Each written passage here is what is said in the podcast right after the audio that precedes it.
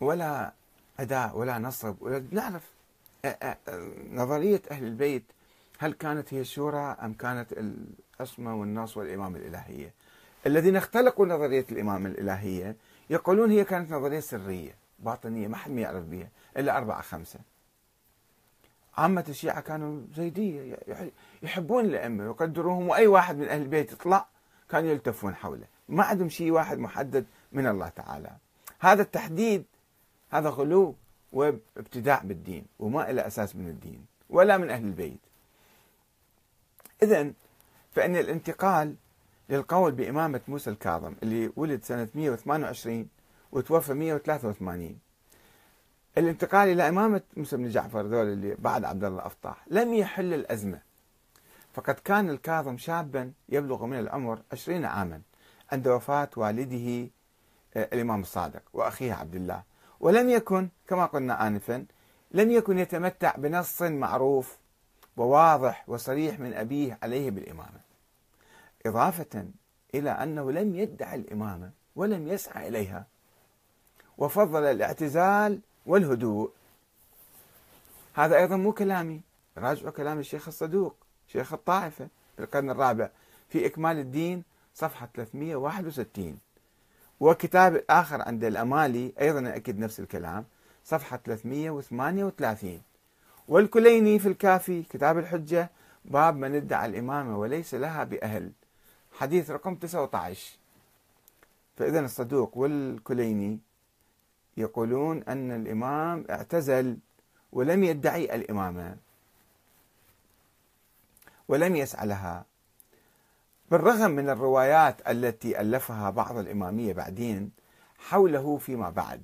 وقد اعترف هشام بن سالم الجواليقي الذي أسس لإمامة الكاظم الدينية ركبها على الإمام الكاظم بأن الأخير هو اعترف بالرواية اللي قرأنا لكم إياها قبل شوية لم يكن يجرؤ على الدعوة إلى نفسه أمام الملأ.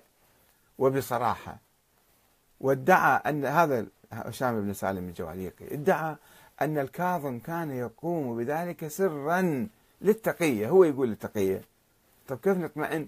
الإمام الكاظم كان فعلا يدعي أنه إمام. غير هو يقول حتى نتبعه؟ إذا هو في حياته ما يقول للناس أنا إمام من الله. شلون إحنا نصدق بكلام الناس اللي داير مدايرة ونصدق بكلامه هو والظاهر من حياته؟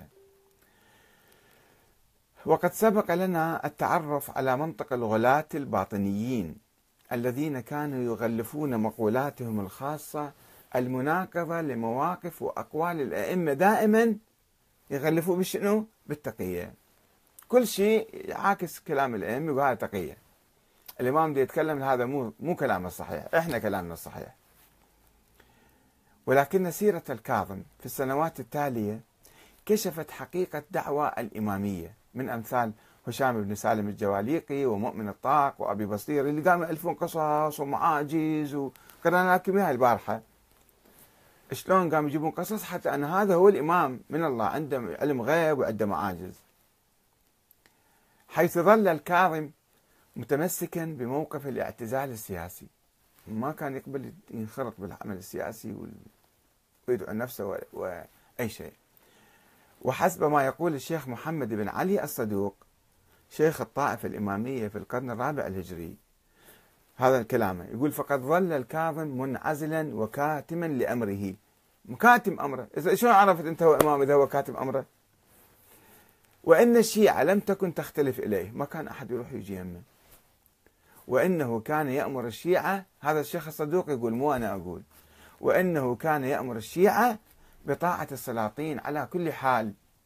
فإن كانوا عدولا فليسأل الله إبقاءهم. وإن كانوا جائرين فليسأل الله صلاحهم. لاحظت كيف؟ هذا شيخ الطائفة الاثنى عشرية في القرن الرابع الهجري يقول الإمام موسى الكاظم موقف السياسي كان هكذا ولم يكن يدعو إلى نفسه. وكان يكتم أمره. طيب شلون عرفت أنت هو يدعو هو يقول أنا إمام. فكل النظريات هاي نظريات سرية باطنية مو ظاهرية مو حقيقية. ما يمكن ما يمكن تكون حجة على الناس بهذه الصورة. إذا واحد كاتب أمره يقول لك أنا مو مرجع. تقلده بالقوة يعني عليه يقول لك أنا يا أبا مو مرجع لا تجي يمي ولا تروح. لا أنت مرجية بس الناس ما تخاف تسم إذا خاف بعد خلص هذا مو مرجع.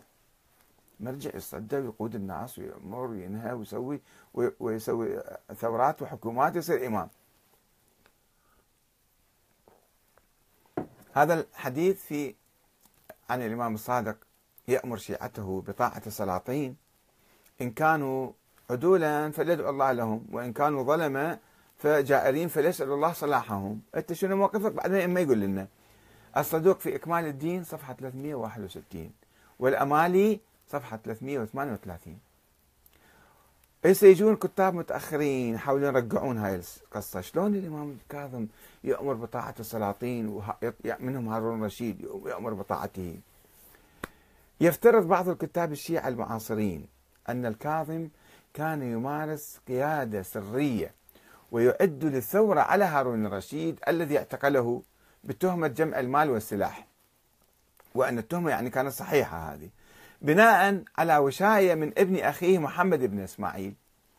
وربما كان ذلك صحيحا أنه كان ولكنه لا يحمل دلالة على ادعاء الإمامة الدينية. حتى لو كان يعد للثورة الزيدية كلهم كانوا يعدون للثورات ما يكون إذا افترضنا هذا كلام صحيح وهذا كان تغطية وللتقية وكذا بس هذا ما بي دلالة على الإمامة الإلهية أنه هذا منصب من الله تعالى. لاحظوا شلون الخلط أحيانا يجيب لك فد نقطة ويستنتج منها نقطة أخرى ويضيف عليها نقطة أخرى ويسوي لك فد نظرية ومن هنا